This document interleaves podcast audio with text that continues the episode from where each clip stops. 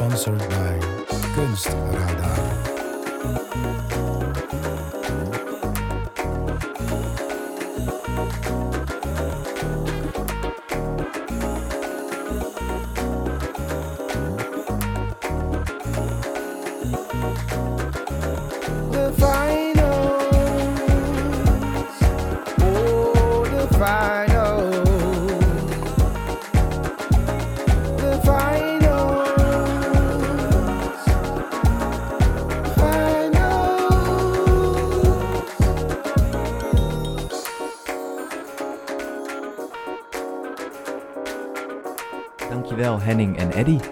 Voor de mooie intro.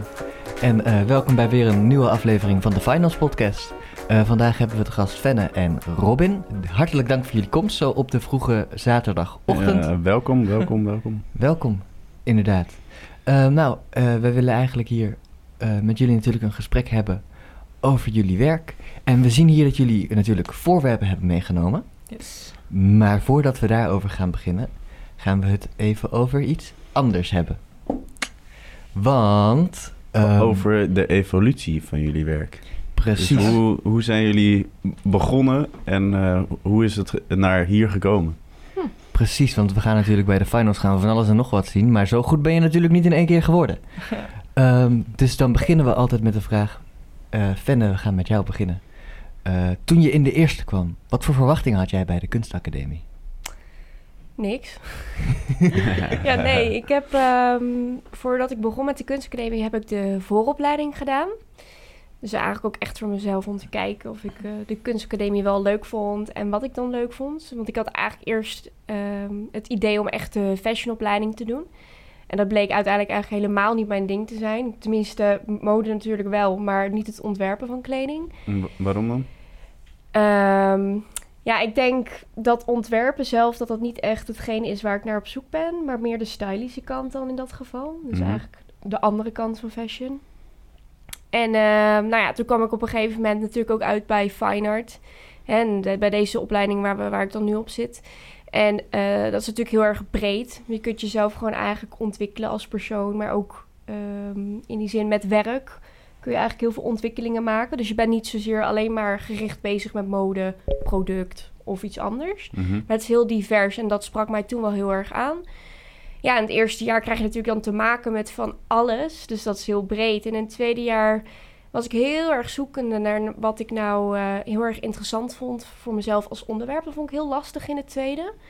Nou ja, en in het derde jaar eh, kwam ik eigenlijk kwam ik erachter, eh, want ik werk eh, eigenlijk in mijn daily life, dus in het dagelijks leven ook als influencer vond ik de social media wereld heel erg interessant. En daar ben ik eigenlijk nou ja, steeds verder mee eh, doorgegaan. En daar wilde ik veel meer verdieping over weten. En Hm. vandaar dat het eigenlijk nu een combinatie is van social media, stylische kanten en ja, de verdieping erachter. Want, en, eh, want jij begon met mode, had je voordat je naar de kunstacademie ging, had je ook echt al een soort trendwatching achtergrond in die zin? Of hoe was je daarmee bezig?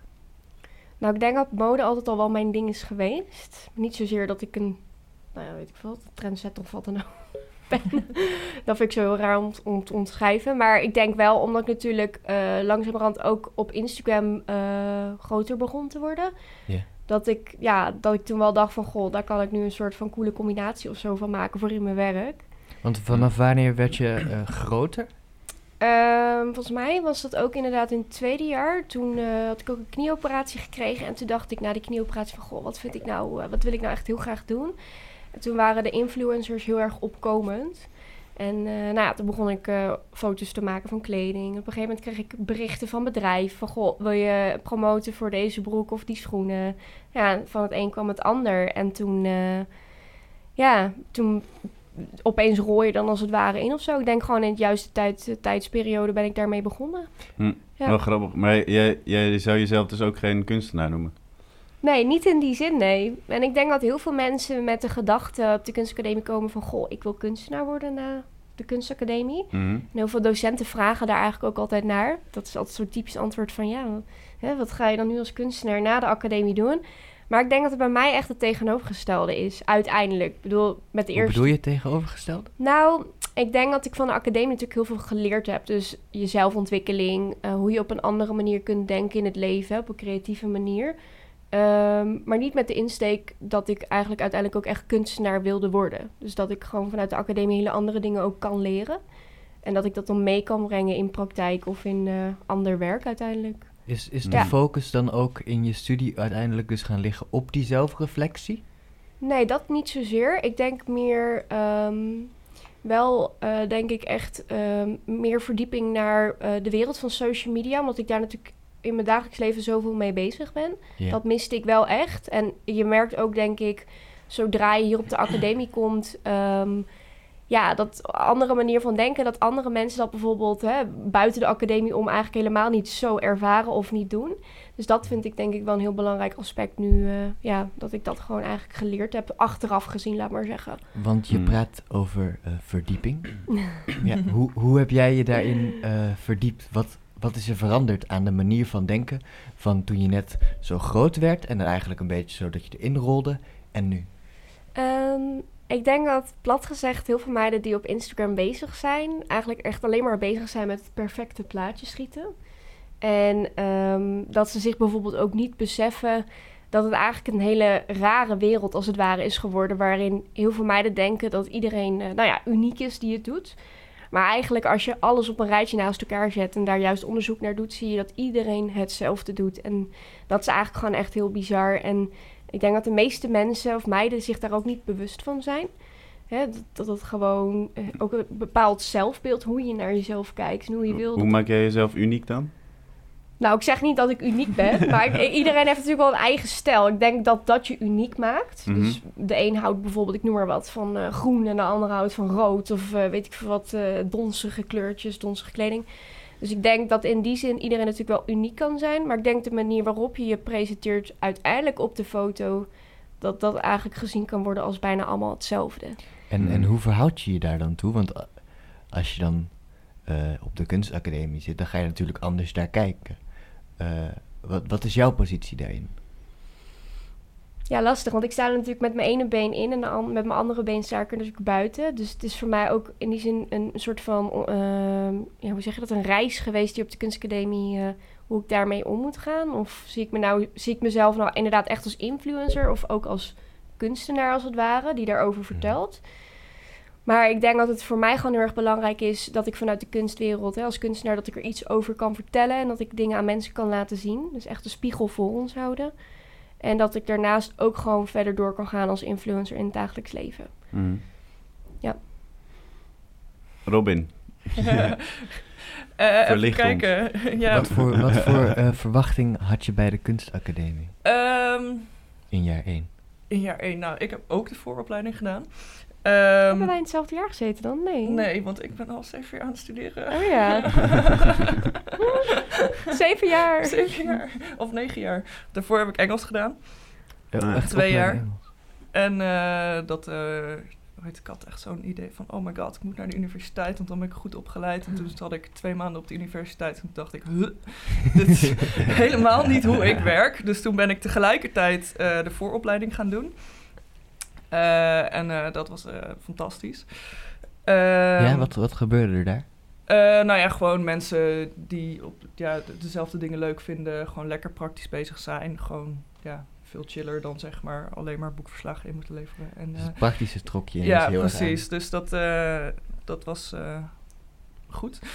En nou ja, daar word je natuurlijk gewoon heel erg voorbereid op wat je dan op de academie gaat doen. Dus ja, Ja.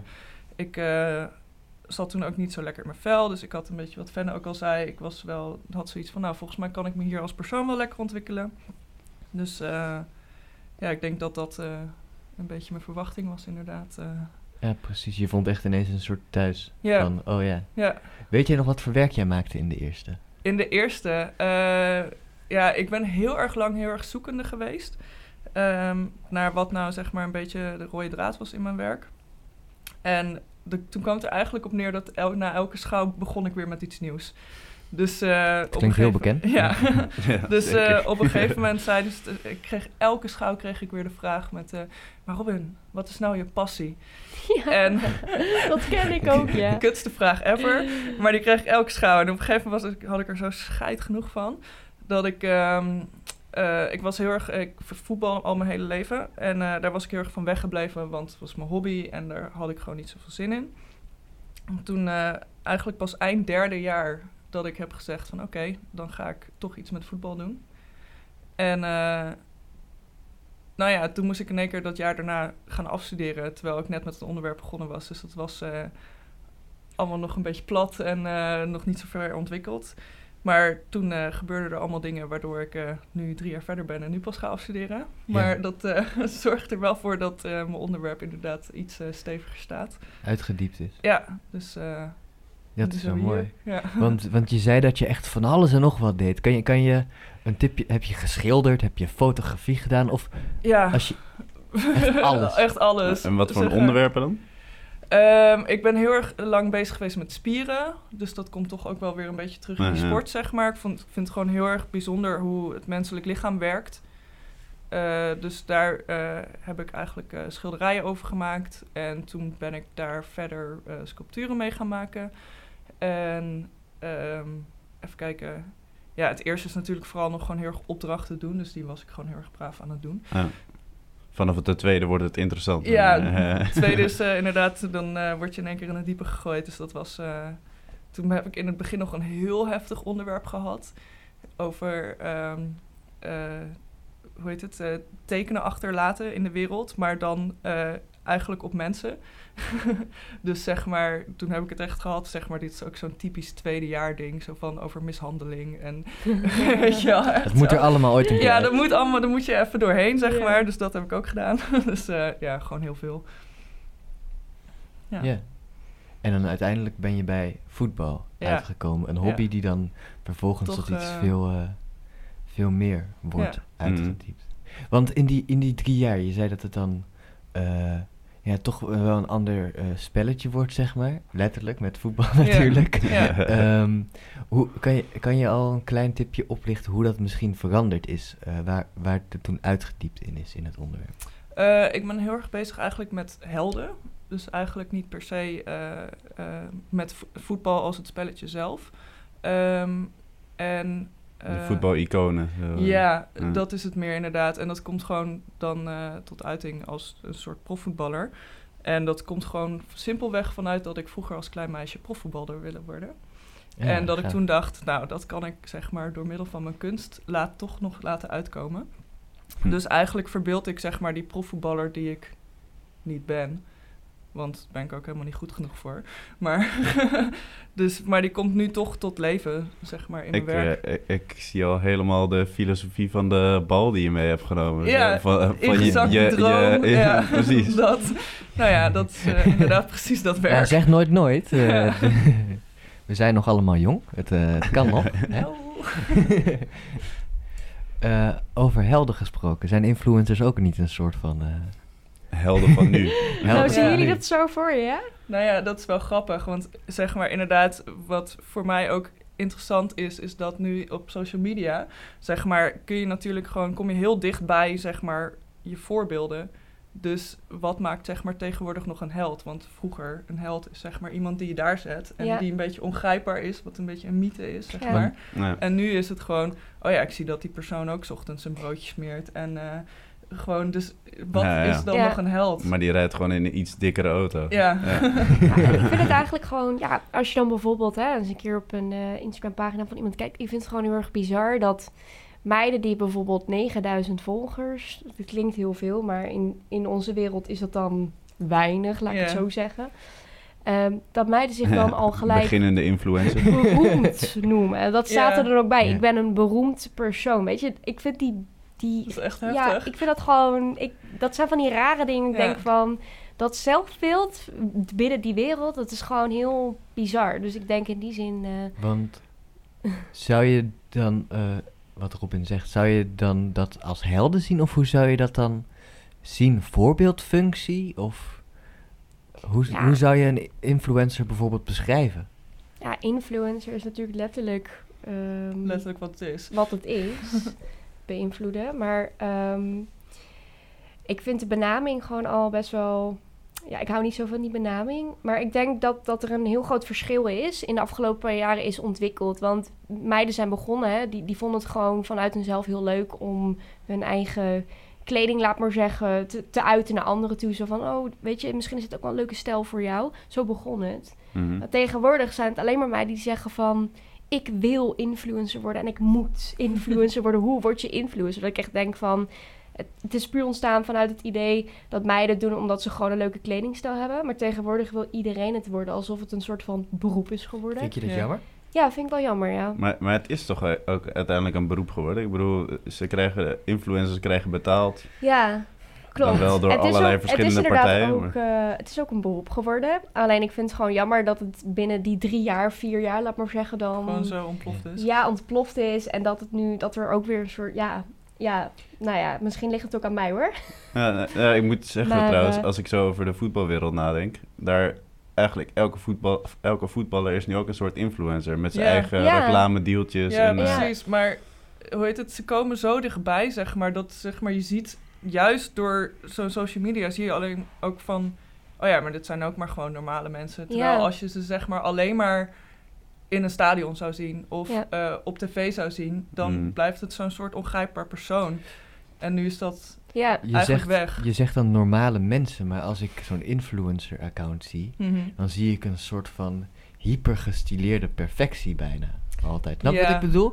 Dus de- ik zie dan een persoon en die neemt dan 20 foto's. En dan een van die foto's is, Is echt goed. superleuk. Ja. En de andere foto 20 foto's, ik denk wel 200. Ja. 200. Als jij, als jij, als jij bijvoorbeeld ergens eh, een deal krijgt met een of andere, laten we zeggen, ijsjeszaak. En je gaat er naartoe en je gaat een soort van nep, zit je daar zo. En dan, ja, eh, ja wat, Ehm 200 foto's. Minimaal, ja. Jeetje. ja. Het is gewoon klik, klik, klik, klik, klik, Het- klik maar dit achter is- elkaar. En dan zit er altijd wel een goede bij. Dat is inderdaad, dat is, die, die truc heb ik ook geleerd van mijn vriendin. Ja. Ja. Dat je als, je, als je een foto maakt, maak er dan gelijk een paar. Want Ja. dan, Ja, dan want zit het er er altijd altijd wel een bij. Maar bij. ik vind twee, eh, een paar en 200 ligt voor mij Heel ver uit elkaar. ja. Maar dat klinkt alsof het dus echt best wel hard werken is. Hoeveel, hoeveel tijd per week ben je hier aan kwijt nu? Nou, ik moet zeggen, het laatste jaar ben ik wat gaan minderen. Omdat ik natuurlijk ook keu- keuzes moet gaan maken nu. Ik, want ik heb hiernaast ook nog mijn eigen bedrijf met schilderen. Dus Oh eh, daar kan ik misschien straks nog wel wat over vertellen. Ehm, maar ik denk voorheen, dus anderhalf jaar geleden, een jaar geleden, dat ik echt wel minimaal drie keer per week naar Amsterdam ging. Want daar waren natuurlijk de hotspots hè, om foto's te maken. Is, eh, bestaan er hotspots om foto's te maken? Ja, die worden dan Leuke weer... koffietentjes ja, en dergelijke. ja, of eh, weet ik veel Mooie, wat. mooie eh, muren. mooie muren of eh, het Rijksmuseum. Weet je wel, iedereen die daarvoor wil staan. Het, ja, het is gewoon echt als één iemand een leuke foto ergens maakt, gaat gelijk de rest er ook naartoe. nee, je, hebt nu, je hebt nu ook Lekker echt eh, influencer museums. of ja, klopt. musea. Ook, ja. Jeetje. ja. Dus dan heb je ook echt binnen dat museum heb je allemaal plekken waar mensen foto's kunnen maken. Dus het museum draait daarop. Ja, het is echt heel bizar. Heel gek zeg. Ja. Want, want je zegt 9000 personen maakt nog geen bekend persoon. Als we het toch over nummers hebben. Nu vraag ik me wel af, hoeveel volgers heb je? Ik heb 21,7 duizend. En Dat- dat je en een dat is bekend dan-. En dat is dan over, de, over, over, over welke lijn moet je zeg maar zijn om, om volgens jou een eh, influencer te zijn? Of een gratis Of hotelletje een. Nou, dat ook, de, ja. regel, tenminste de algemene regel is, luidt als volgt. Als je boven de 10.000 volgers zit, kom je in aanmerking om eh, eventueel geld te verdienen. Dus dan Ah. mag je officieel per foto of per deal die je sluit, mag je een prijs vragen. En eh, de meeste eh samenwerkingen zijn barteldeals. Dus dat betekent eigenlijk dat je dan bijvoorbeeld kleding toegestuurd, opgestuurd krijgt. En dan mag je dat houden. Dus dan is het nog niet eens dat je betaald krijgt. Dus het is ook maar net hoe, hoe jij wil, eh, zeg maar, ja, hoe jij wil dat de samenwerking eruit komt te zien. Mm. Dus ik vind het bijvoorbeeld ook heel erg leuk om al elke maand schoenen te krijgen van Omoda, bij wijze van spreken. En, ja, en sommige mensen willen daar echt geld voor. Dus het is ook de keus die je dan zelf maakt. Maar dat is eigenlijk de algemene regel. Ik heb nog wel een social media, of eigenlijk een Instagram vraag. Dat eh, blauwe flink, vinkje. Je bedoelt of iemand bekend is. Ja, nou ja, ik zag laatst iemand met 9000 volgers Mhm. ook zo'n blauw vinkje hebben. Toen dacht ik, Wacht Hey. dat is wel een beetje ja. raar. ja, ehm, voordat Instagram echt opkomend eh, was qua influencers, toen eh, kon iedereen dat blauwe vinkje zelf nog eh, gebruiken. Dus waarschijnlijk zal zij voor die periode nog snel het blauwe vinkje hebben toegepast in haar profiel. En dat is na een Het half een jaar hij. of een jaar. Hè? Het was een hij. Oh, het was een hij. Oh ja, dat kan natuurlijk ook, een hij, een man. Nee, maar kort na die periode toen kon het alleen nog maar volgens mij toegevoegd worden als je dus officieel bekend bent, zoals weet ik veel. Ja, ik weet dan niet weer waar de term bekend Nee, helemaal eh, hoe ze dat beredeneren. Maar eh, misschien ben je wel bekend van tv, daar, daar, daar zie je het bijvoorbeeld Ik hoor het op. al, we hebben onze kans gemist, denk Ja. ik. We hadden het blauwe vinkje voor die tijd moeten... Jammer. Ja, Ik misschien- denk dat- Nu kun je misschien nooit worden meer we ooit nog bekend bekend. kunstenaar worden. Of Dus, bekend voetballer. nee, als je, als je het toch over professioneel voetbal hebt. Want terwijl dit, we dit gesprek hebben gehad, zijn we natuurlijk al stiekem een klein beetje zijlinks, zie ik het iedere keer in mijn ooghoek, de voorwerpen die jullie hebben meegenomen. Eh, want Robin, we hadden het er net al over, een professionele voetballer. Ik zie hier een soort keramieke bal die dan eh, ineen is ge- gezakt. Maar dat kan helemaal niet, want het is keramiek. Dat is heel leuk. Dat is heel leuk. Ja, want ik maak dus gewoon hele ballen uit mallen, zeg maar. En dan prik je er een gaatje in. Ja? En dan druk je hem in als Ja. letterlijk een lekker bal. En dan loopt hij ook leeg. Oh, Oh. En dat is echt... Omdat Ik dacht er dat je natuurlijk gewoon lucht een mal van een lekker bal had. Nee, dus ik druk ze in. En ik heb nu dus gewoon allemaal verschillende ook. Hoeveel heb je er? Eh, drie. Cool. Dus, eh, maar ik heb zeg maar twaalf hele. Oké. Eh, maar het is gewoon super leuk om ze in te drukken. Want je, ja, die lucht loopt er echt uit.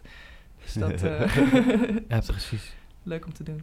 Is dat, eh, wat, wat kunnen we eh, bij jou bij de finals gaan verwachten? Liggen daar drie ballen? ja, dat is het. Nee, Eh, nee Heel eh, conceptueel. ik eh, maak ook films waarin ik zeg maar dan dus echt letterlijk die profvoetballer portretteer. En die film is er nog niet helemaal, want we waren twee weken geleden aan het shooten, maar was niet helemaal wat ik wilde. Dus die gaan we binnenkort nog een keer doen. Maar dat moet een hele dramatische, langzame film worden. Waarin je gewoon heel simpelweg mij vanuit een kikkerperspectief ziet. Wat is een kikkerperspectief? Oh, ki- oh van- ik dacht, ik, ik voetbal, ik dacht kikker, ik dacht zo schoppen, weet je Nee. wel. weet ik veel. Filmtechnisch. Zoveel weet ik over voetbal. eh. Ja. Voetbal doe je met kikkers, toch? Kikkerperspectief, vanuit zo laag zo eh, Nee, vandaag kijken. dat je lekker erop, eronder eh, af opkijkt. Ja. Mhm. En eh, ehm, ja, dan verder heb ik gewoon allemaal van dit soort eh, dingetjes uit de voetbalwereld. Zoals dus daadwerkelijk echte ballen. Ehm, ik heb eh, allemaal t-shirts gemaakt. ehm voetbal-t-shirts uit hout. eh, van Het is alle... ook echt toeval trouwens. Ja. dat ik Wel mooi. Ik denk dat je precies dit goed gekozen hebt. Ja, moet ik wel dus zeggen. misschien moet ik Dank nog je. een eentje van Celtic maken. Maar allemaal shirtjes waar ik dan als professionele voetballer gespeeld heb. Die dan aan de muur komen te hangen. Eh, ik heb een eh, eigen kleedkamer gebouwd. Dus je bent echt bezig Het- om eh, de context te scheppen. Ja, Ik, zeg ben, maar ik, echt die ik wereld... wil nog wel iets meer weten over je film eigenlijk. Want Ja. Alleen maar uit kikkerperspectief, dat Ja. zegt ons te weinig. Ja, oké, nee. Waar gaat eh, het over? Nou ja, het gaat eigenlijk gewoon... eh, ik wil gewoon een heel dramatisch effect eh, neerzetten om ja, die held te laten zien. Dus eigenlijk eh, wat er gebeurt, ik sta gewoon simpelweg... Het is echt heel simpel. Ik sta gewoon stil in mijn voetbaltenietje met mijn balletje. En die camera die draait dus, die begint bij mijn voeten... en dan gaat die heel langzaam zo omhoog draaien om mij heen.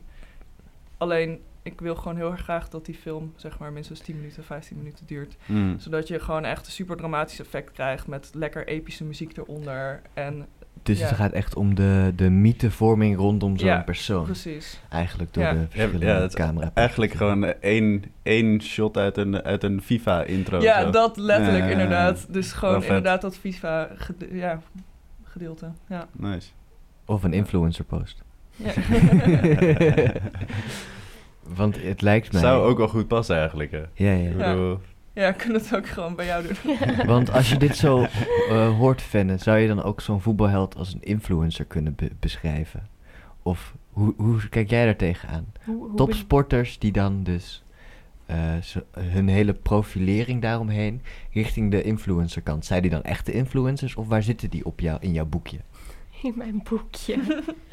You're the expert. Ja, nee, je hebt natuurlijk ook allemaal vertakkingen binnen die wereld van de influencers. Want je, kunt ook, je hebt ook sportinfluencers, hè, die eh, inderdaad alleen maar promotie maken vanuit de sportwereld. Dus met kleding, eh, voeding, voeding, ja, eh, eh, sportattributen. zoals ik neem misschien ook wel een voetbal, inderdaad. Ja. Ja.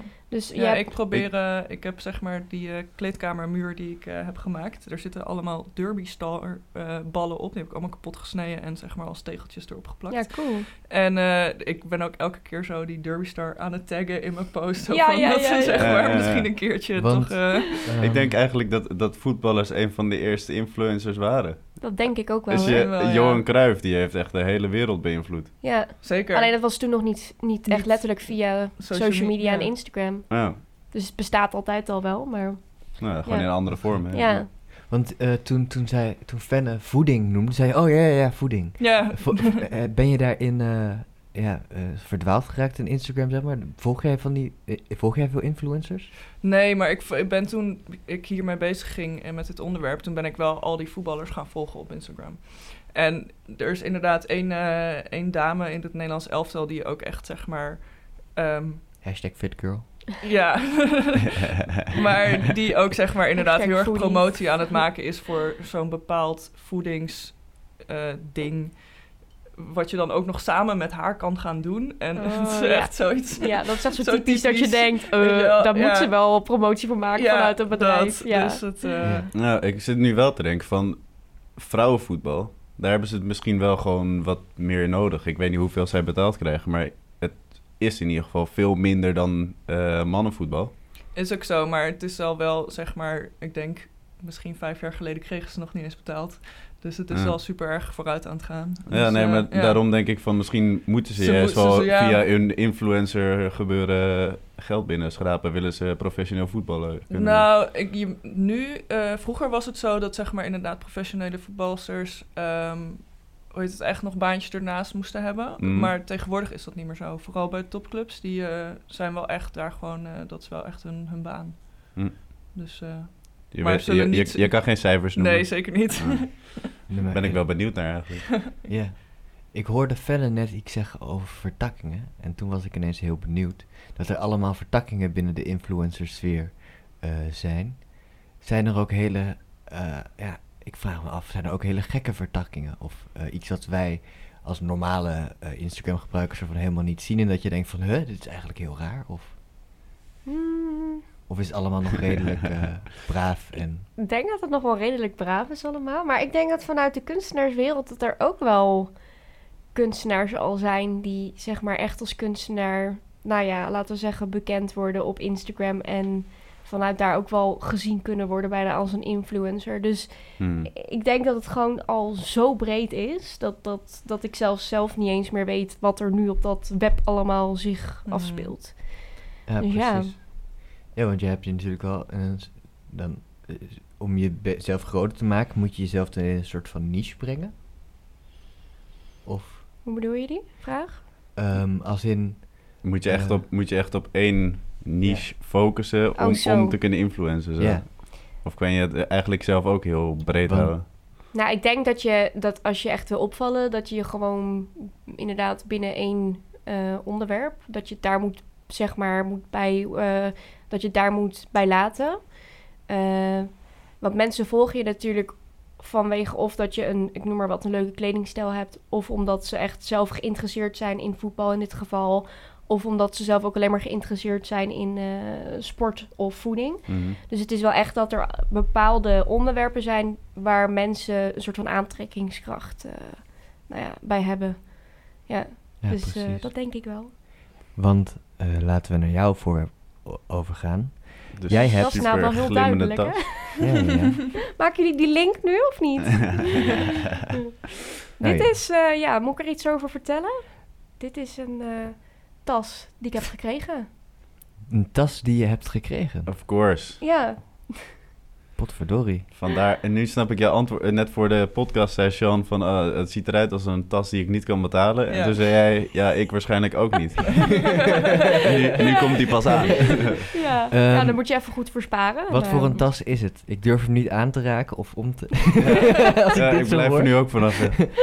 Maar eh, wat voor tas is het? Het is een, een tas van Marc Jacobs. Oei. Mhm. Ja, dus die, dat is op zich wel een eh, redelijk bekend merk voor de meeste mensen.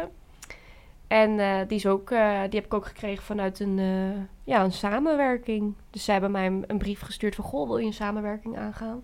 Dus in ruil voor twee foto's mocht ik een tas uitkiezen. Voor twee foto's. en Ja. hoe, hoe was de samenwerking dan met Mark Jacobs? Wilde- het is natuurlijk een internationaal bedrijf. Dus Mhm. je krijgt dan ook in die zin een Engelse mail vanuit eh, nou ja, het bedrijf. Ik, ik weet niet eens waar het gevestigd is hoor. Maar het zal wel eh, Zo internationaal. Zo zijn. Eh, ja, het is gewoon super chill. Ja, als je maar twee foto's hoeft te posten. En dan bespreek je bijvoorbeeld in dit geval van... Goh, we willen graag dat binnen drie weken twee foto's online komen te staan. Nou, dat was vorig jaar een keer. En eh, ja, dus ja, Jeetje. vandaar. Maar dan s- vragen ze gewoon van, wil jij een tas uitzoeken en eh, daarmee op de foto, that's it. Ja, dat is het. Want wat ik me dan afvraag, hè. Je, hebt zo'n, je krijgt allemaal van die tassen en je bent een influencer. Bij de finals moet je natuurlijk iets laten zien. Mhm. Dus dan is natuurlijk mijn vraag... Hoe is jouw influencerleven eh, verwikkeld met wat je gaat laten zien in de finals? Ja, goede vraag. Nee, ik heb de afgelopen paar maanden ben ik eh, alleen maar bezig geweest in de AV-studio. Dus ik maak ook eigenlijk echt opnames van mezelf in dit geval. Ehm, ook vanuit een kikkerperspectief. Nee, nee, nee, zelfs vanuit eh, het fotoperspectief wat je gebruikt op Instagram. Dus echt gewoon, zeg maar, recht. Recht Uh-huh. vooruit. Ja, recht vooruit. En, En, o- en ook ehm, eh, verticaal. Ja, Mhm. verticaal. Ehm, en echt met het idee erachter dat ik eigenlijk, nou ja, laten we zeggen 30 tot 40 personages op Instagram heb eh, opgezocht. En dat ik die gewoon letterlijk nadoe. Dus ik vertaal het ene medium tot een ander medium. Dus normaal gesproken, als je bijvoorbeeld een Instagram-pagina van iemand opent, kom je op het profiel van iemand terecht. Nou, dan zie je een biografie van iemand. Dus dan vertelt iemand eigenlijk in twee zinnen eh, wie zij is of wie hij is. En eh, vaak binnen die twee zinnen, nou ja, komen er al hele rare dingen uit. Dus Zoals wat bijvoorbeeld? nou ja, dat iemand zegt van... ehm, je moet naar mijn eh, YouTube-kanaal, want ik sta in de top 100 van eh, de mooiste meiden dit jaar. Dat ik denk van, oké, als ik me normaal gesproken, weet je wel, voorstel aan jou... dan zijn de twee belangrijkste dingen, ik ben Fenne en ik ben eh, 21 jaar en ik kom uit Veenendaal. Maar op zo'n biografie vertelt iedereen, nou ja, vertellen allemaal maar de hele rare dingen. En als je dat dus eigenlijk in dit geval performt, dus uitoefent hè, voor de video, komt dat heel raar over. Als ik dat dus eigenlijk via spraak vertel. Ja, ja, als je het uitspreekt, dan eh, ja, dan het toch wanneer wel je het bijvoorbeeld leest. Ja. Dus, Dus je en, vergroot die, die gekte ja, die precies. zit. Ja, en dus eigenlijk gaat het vooral in dit geval dan heel erg om het zelfbeeld van mensen. En dat zie je dus bijvoorbeeld via een biografie. Maar dat kun je ook zien onder eh, het verhaal wat iemand bij een foto plaatst. Dus een soort van promotieverhaal. Of eh, nou ja, vaak vertel je wel iets als je een foto post. Het is nooit helemaal kaal. En eh, daar zijn eigenlijk twee tot eh, drie eh, ja, video's uit voortgekomen. En sinds vorige week ben ik dus ook een eh, samenwerking aangegaan met een hologrammedrijf. Dus het wordt super vet. Wow, Ja, dus het wordt uiteindelijk driedimensionaal. Dus ik kom eigenlijk gewoon dat ploep, klinkt wel heel vet. opeens in de ruimte tevoorschijn. Jeetje. Echt super cool. Ja. Oké. Ik ga je niks over de techniek vragen, denk ik. Want dat, dat wordt een beetje een lastig verhaal.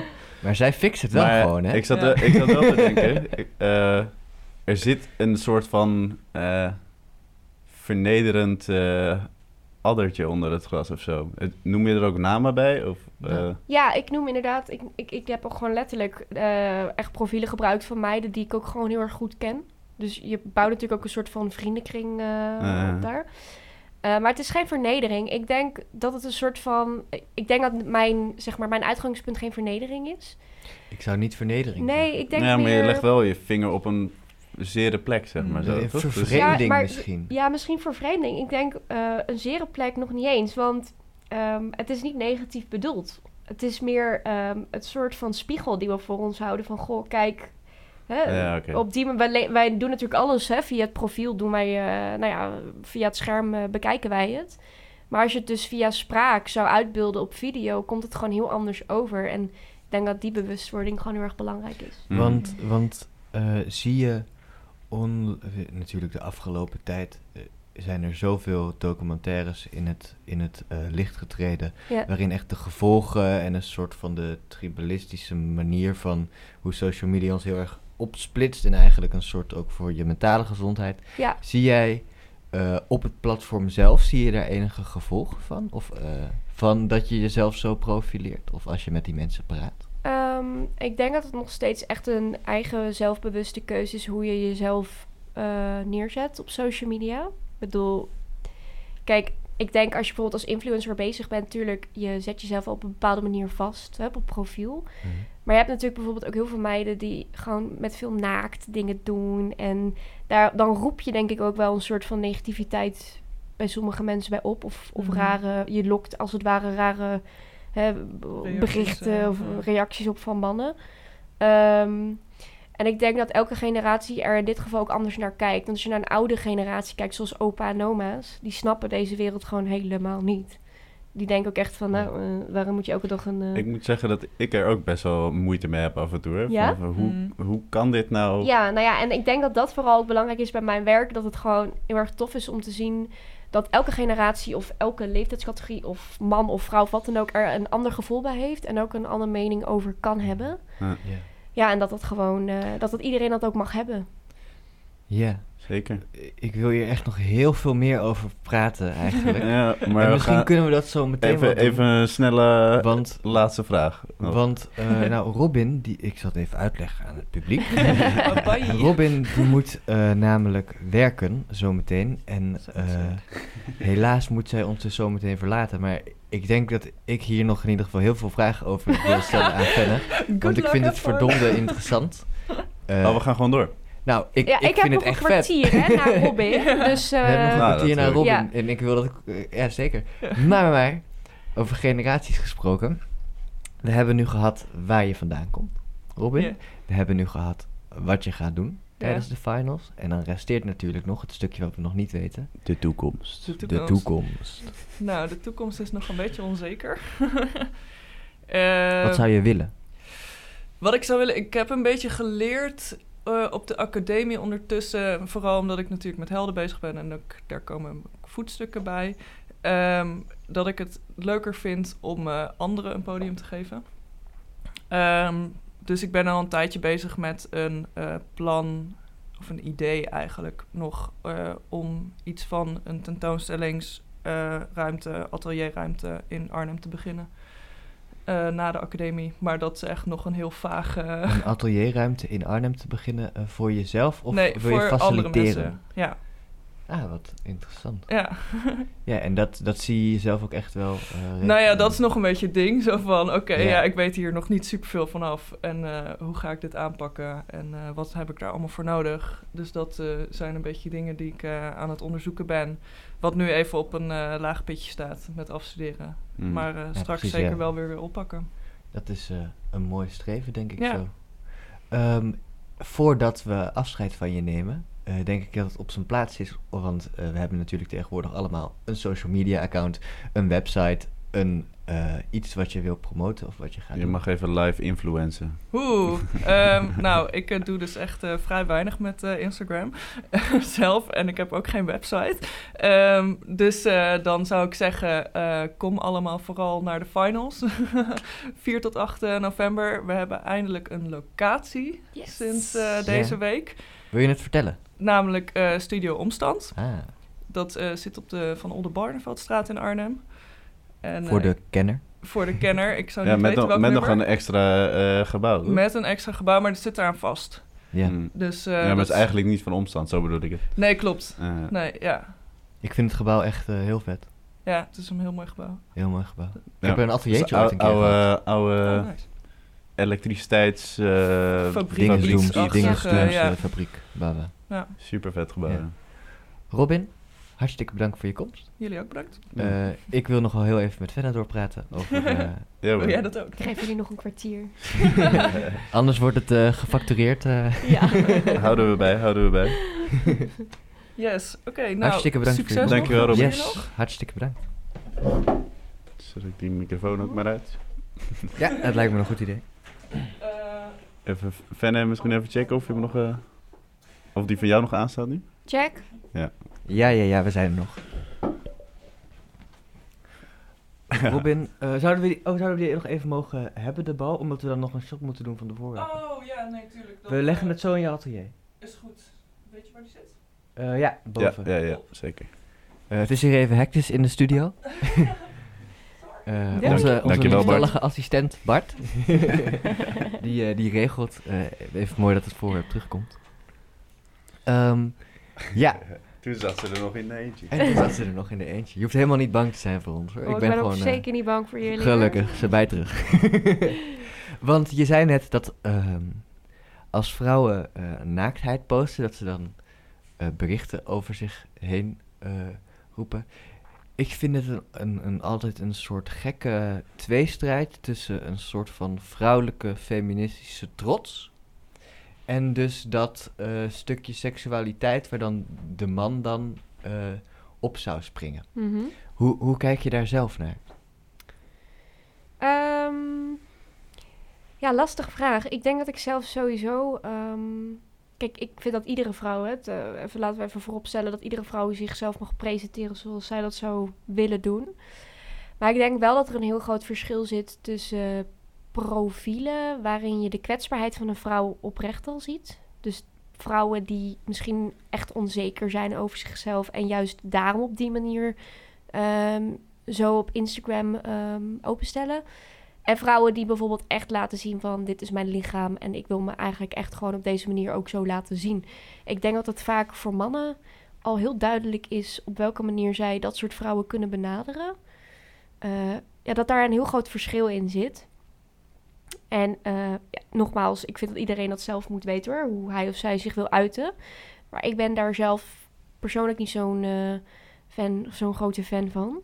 Om, om naakt op foto's te staan of weet ik veel wat Nee, op die manier precies. iets, daar iets mee te doen. Ehm, ja, maar dat gebeurt natuurlijk heel veel hè, nog steeds. En Ja. je merkt bijvoorbeeld ook eh, jonge meiden die natuurlijk eh, net eh, op de middelbare school zitten of van de middelbare school afkomen. En die willen juist heel veel op social media zichzelf laten zien. Daar komen vaak natuurlijk ook heel veel rare reacties van mannen op af. En dat soort meiden zijn natuurlijk heel erg kwetsbaar. Zou, zou je dan een, een soort leeftijdsgrens voor bepaalde content daarop? eh, of een leeftijds minimaal? Je moet minimaal om, om bepaalde. Ja, ik weet niet of dat überhaupt mogelijk is. Maar ik denk wel voor deze generatie, vooral nu, omdat we zoveel verschillende social media eh, eh, vlakken en apps hebben, is dat misschien eigenlijk wel bijna noodzakelijk, vind ik persoonlijk. Maar ik denk niet dat dat mogelijk is om zoiets te kunnen instellen. Wat, wat denk jij, wat speculeer jij dat het doet met, met jonge eh, kinderen? Laten we zeggen, je zit net 13 op de middelbare school, eh vier, vijf uur per dag op Instagram. Wat, wat zou dat met zo iemand doen? Later, hè? Nu, vroeger toen ik klein was, heb ik tien uur per dag gewoon Pokémon gespeeld, weet je wel? Ja, tuurlijk. Je hebt, ik denk dat je binnen elke generatie wel iets hebt eh, waar veel jongeren mee- dingen mee doen. Dus inderdaad, wat jij zegt met Pokémon of achter je Nintendo of eh, wat hebben we nog meer gehad, joh. PlayStation. Ja, dat is We nog steeds denk ik wel een ding met Van mannen, alles nog. Playstation, ja. Maar Ja, ehm, wij zaten bijvoorbeeld vroeger heel veel achter de tv. En tegenwoordig hoor je eigenlijk steeds minder mensen die tv kijken. Maar juist veel Mhm. mensen die op hun mobiel zitten en echt urenlang achter elkaar dingen doen en scrollen. En bij de jeugd zie je bijvoorbeeld nu weer, dat is dan ook weer heel raar. eh, binnen twee tot drie jaar is bijvoorbeeld het platform Instagram eigenlijk weer veel minder geworden. Maar de jeugd doet juist nu weer veel meer met Snapchat en TikTok TikTok dat is dus is weer heel Oh ja, ik. Nou ja, Ja, en als ik dan naar een, genera- een generatie kijk van een jongen en een meisje die zes en zeven jaar zijn, die gewoon vier uur lang video's maken, dat ik dan echt denk van die leeftijd doet er al dingen mee. Dat is gewoon Dat is absurd. Ja, Doe, doe jij ook aan TikTok? nee. Nee, dat doe ik dus niet. Nee. Ik, en Snapchat Nee. ook niet trouwens. Dus je blijft, wordt te wel, veel. je blijft wel trouw aan jouw eh, Ja. medium. Ja, dat wel, ja. Want eh, waarom ik dat wilde illustreren van dat Pokémon en dat ik tien uur voor de PlayStation kon zitten vroeger, weet je, wel, zonder pauze, zonder whatever. Ehm, Buiten spelen, niet te vergeten. Nee, echt gewoon buitenspelen. ik deed het amper, jongen. Ik ben echt opgegroeid met, dat, met Oh, ja? zo'n gameconsole. Ja, ja. Maar nu, het interesseert me geen, geen niks meer, zeg maar. het interesseert me helemaal niks meer. Maar dan vraag ik mij dus af. Denk je dat juist omdat de jeugd eh, op is gegroeid met dit, dat zij later eh, net zoals wij hadden vroeger met de tv en met de... Dat zij inzien van, oh maar wacht, dit is maar een soort van eh, droom of een soort van bezigheid die eigenlijk helemaal niks met het echte leven te maken heeft? Of denk je dat dat juist zo belangrijk wordt dat het een soort tweede wereld om ons heen gaat worden? Hmm, ik denk dat het wel gedeeltelijk te maken heeft met dat je als je jong bent gewoon een hele andere wereld, geen, in die zin geen serieuze wereld leeft. Wanneer je natuurlijk naarmate je ouder wordt, wordt het allemaal wat serieuzer. Je krijgt verantwoordelijkheden. Je, nou ja, je- ik denk dat je dat het leven zelf dan ook eh, belangrijker wordt dan wanneer je nog jong bent. Ja, ik weet niet. Dan leef je denk ik gewoon op die manier ook in een hele andere wereld. Dus Mhm. dat dat ook een verschil uitmaakt. En daarnaast denk ik ook eh, naarmate je ouder wordt, eh, kijk, er zijn natuurlijk nog steeds veel mensen die ervan houden om achter de buis te zitten en eh, nou ja, urenlang. opa en ik, zat- ik zat Ja. net zelf ook te denken van die, die kinderen die nu de hele tijd op hun telefoon zitten, die zijn wel een stapje voor op zeg maar wat er nog komen gaat. Ja, Eh, want, want je zegt, Het wordt allemaal digitaler. toch? ja. want als jij zegt het wordt serieuzer, denk je dan ook dat onze social media en onze, dat het dan ook een soort van volwassener zal gaan worden? ja, ik denk dat volwassenheid altijd wel, altijd wel eh, meegaat of in, zeg maar, in het dagelijks leven en in de social media, in het social media gedeelte daarvan. Maar ik denk meer dat het er gewoon echt een. dat het met je persoonlijkheid te maken heeft. Of je bijvoorbeeld, nou ja, wel of niet van social media houdt.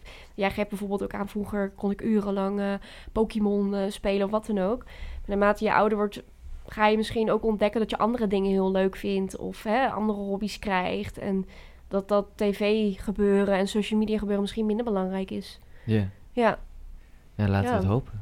ja. Hoe, hoe oud zijn jouw volgers, weet je dat?